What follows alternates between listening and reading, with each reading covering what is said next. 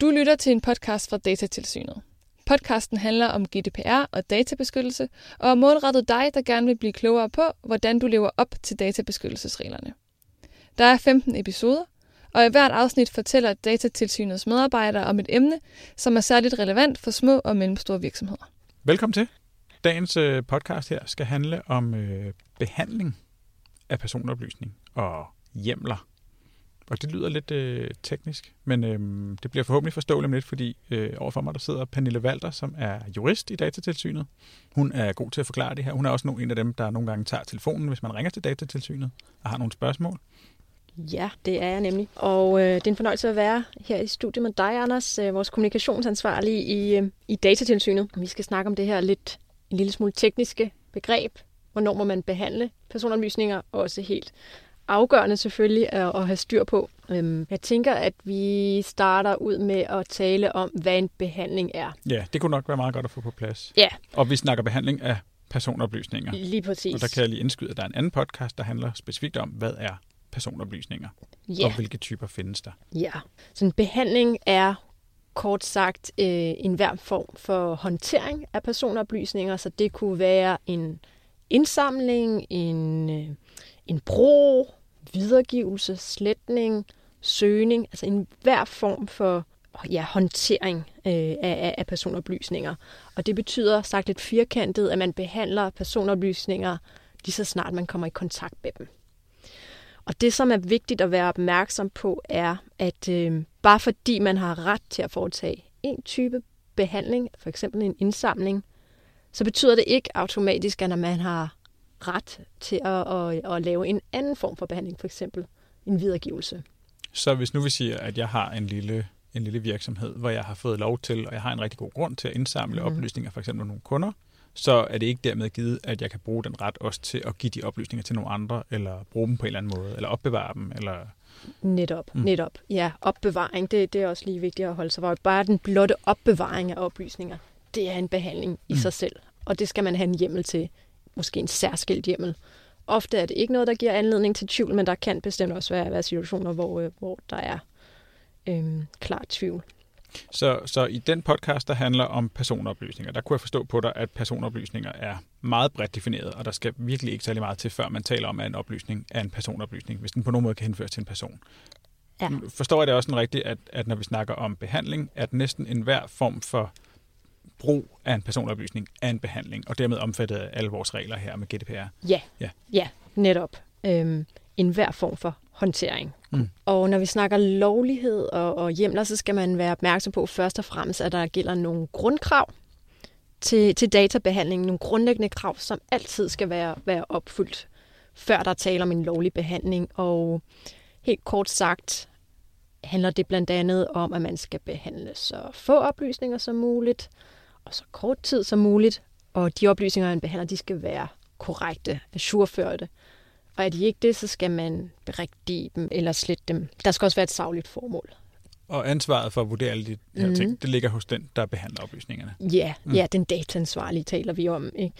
Og øh, man skal rent faktisk kunne dokumentere, at man overholder alle de her grundlæggende øh, principper. Så, så det, hvis man det, har et princip om, at man skal opbevare oplysningerne så, længe, så kort tid som muligt, så skal man kunne dokumentere, at man mm. har brug for dem eller andet stykke tid, og så skal man til at få dem slettet. Ja, så, så det kunne være, at man har fastsat nogle, nogle interne retningslinjer og procedurer. På den måde vil man kunne dokumentere, at man, man overholder de her grundlæggende principper.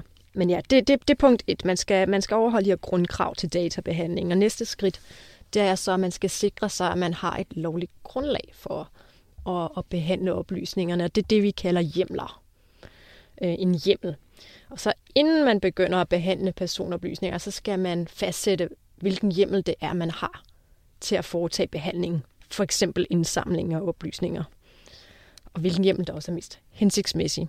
Og der er det vigtigt at gøre sig klart, hvilken type oplysning det er, man behandler. Er det almindelige personoplysninger? Er det følsomme? Er det et CPR-nummer? Er det oplysninger om strafbare forhold? Fordi hjemlerne er forskellige alt efter, hvilken type det er øh, af oplysning, man behandler. For eksempel er muligheden for at behandle følsomme oplysninger, de er lidt mere snævre. Altså udgangspunktet i bestemmelsen, relevante bestemmelse i forordningen, er at, at, at forbud mod at behandle den type oplysninger. Men man kan så alligevel godt behandle øh, følsomme oplysninger, hvis en af undtagelserne finder anvendelse. Det kan vi lige vende tilbage til.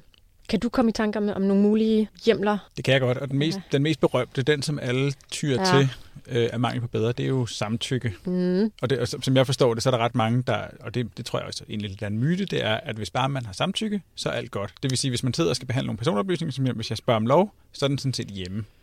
Yeah. Og, og det kan jeg også forstå på, på mine klogere juristkollegaer her i datatilsynet, at det faktisk ikke er, er helt sådan, det er. Kan du, kan du sige ja, om det? Ja, altså en behandlingshjemmel kunne godt være et samtykke, men man bør kun anvende et samtykke, hvis der ikke er et andet behandlingsgrundlag. Så man siger, det, skal, det er lidt plan B, og, og, og, og det skyldes blandt andet, at der er nogle, nogle skrappe krav til, at samtykket er gyldigt. Og øh, man har som registreret også ret til at tilbagekalde sit samtykke. Det vil sige, at i mange situationer vil det ikke. Kan det godt skabe nogle udfordringer for virksomheden, den dataansvarlige, hvis samtykket så bliver trukket tilbage efterfølgende. Fordi så må man ikke længere behandle dem, simpelthen. Netop, mm. netop. Og, og, og samtykket for, at det skal være gyldigt, skal, skal opfylde en række krav. For eksempel skal det være givet på et oplyst grundlag og, og være meget specifikt. Det, det er der også en, en podcast, der er dedikeret helt til mm. det, det emne. Så hvis samtykke er plan B, hvad er så mm. plan A her? Og så er det en af ja. de andre hjemler? Ja, det kan være, at vi lige skulle løbe kort over dem. Hvis vi har at gøre med almindelige personoplysninger, så det vil være langt størstedelen af de typer oplysninger, der bliver behandlet i en virksomhed. Ikke? Øh, oplysninger om deres kunders navn, kontaktoplysninger, kontonummer, lignende. Der er øh, seks muligheder, der er listet op i, i, i en relevante bestemmelse i, i, i forordningen.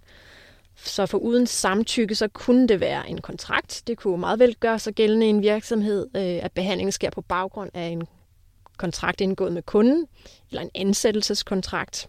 Der kan også være, at der, der er tale om øh, en retlig forpligtelse – øh, der nødvendiggør en behandling af oplysninger. Hvad er en retlig forpligtelse? Jamen, det kunne eksempel være, at man er forpligtet til som bank at videregive nogle oplysninger efter hvidvasklovgivningen til relevante myndigheder, eller man er forpligtet til at opbevare nogle bestemte typer transaktionsoplysninger i en bestemt periode på grund af reglerne i bogføringsloven.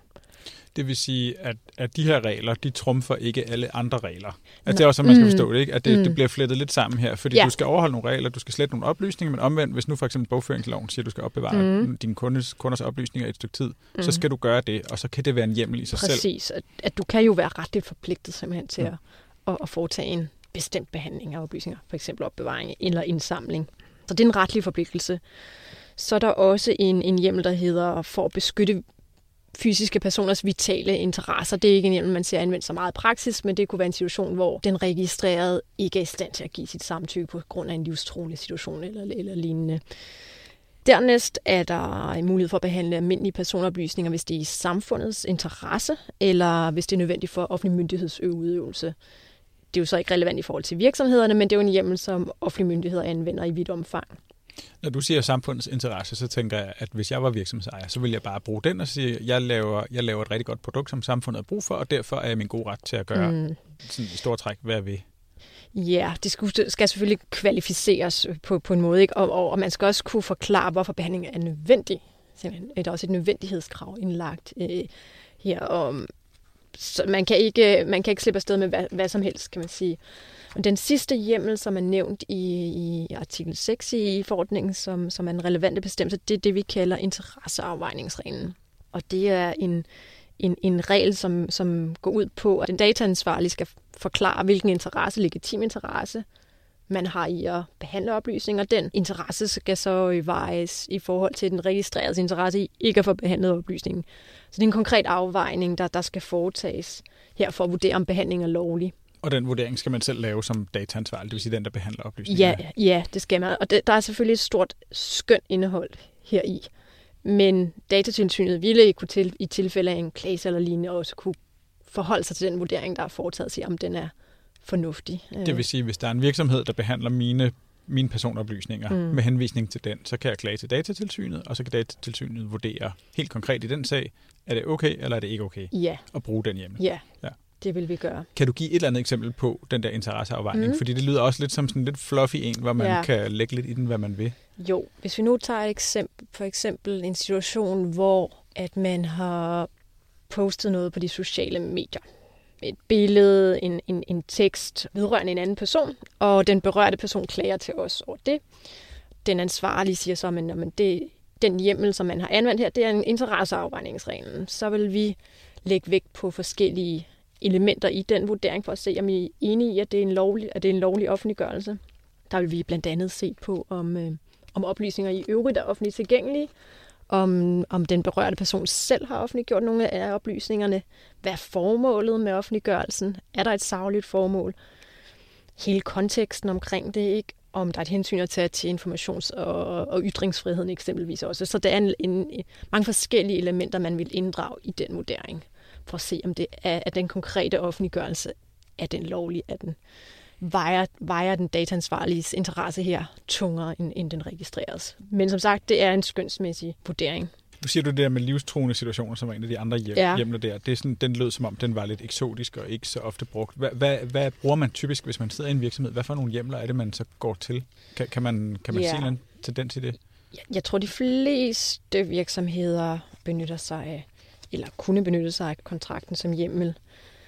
Øh, I visse tilfælde også en retlig forpligtelse, ikke? Øhm, og så i nogle situationer samtykke, hvis der ikke er grundlag for at indgå en, en kontrakt, altså en aftale med den registrerede. Det vil jeg umiddelbart mene af de mest øh, anvendte hjemler for virksomhederne. Interesseafvejningsreglerne øh, kunne man også godt se anvendt i, i nogle situationer. Øhm, I forhold til følsomme oplysninger, der er det jo et lidt andet game. For udgangspunktet her, det er jo et forbud mod at behandle den type oplysninger. Det er fordi, de er, det ligger lidt i sagens natur, følsomme. Så man kunne lidt øh, firkantet sige, at det er nogle oplysninger, der ikke rigtig vedkommer andre. Så min bank må som udgangspunkt ikke op- behandle oplysninger om min øh, politiske overbevisning? Nej. I øvrigt skulle de også have et savligt formål med overhovedet at gøre det, ikke? og så skulle de også kunne pege på en hjemmel. Mm. Samtykket er en mulighed her også. Øh, man ville kunne behandle følsomme oplysninger på baggrund af et samtykke fra den pågældende selv. En anden situation er, hvor oplysningerne tydeligvis er offentliggjort af personen selv.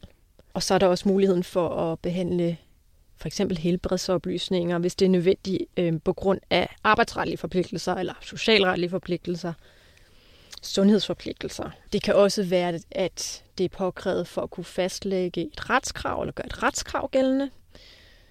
Det kunne være tilfældet for forsikringsselskaber eksempelvis, der nødvendiggør en behandling af, af helbredsmæssige oplysninger.